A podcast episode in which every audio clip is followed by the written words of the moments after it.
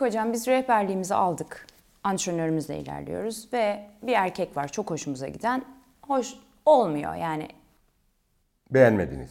Ay biz beğeniyoruz da onu ikna edemiyoruz bizi beğenmesi konusunda. Evet. Demek ki aslında gücümüz her şeyde yetmiyor. E şimdi orada işte beğendiği erkeğin bilgisini, deneyimlerini göz önünde bulundurması lazım.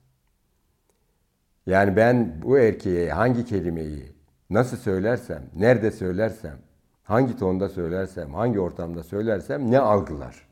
Erkeği istiyorsa. Sorunuza cevap veriyorum ben. Yani erkek ne istiyorsa onu yapsın değil. O erkeği istiyorsa o kadın. O erkeğin yapısına, bilgisine, görgüsüne göre tutum takılması gerekir.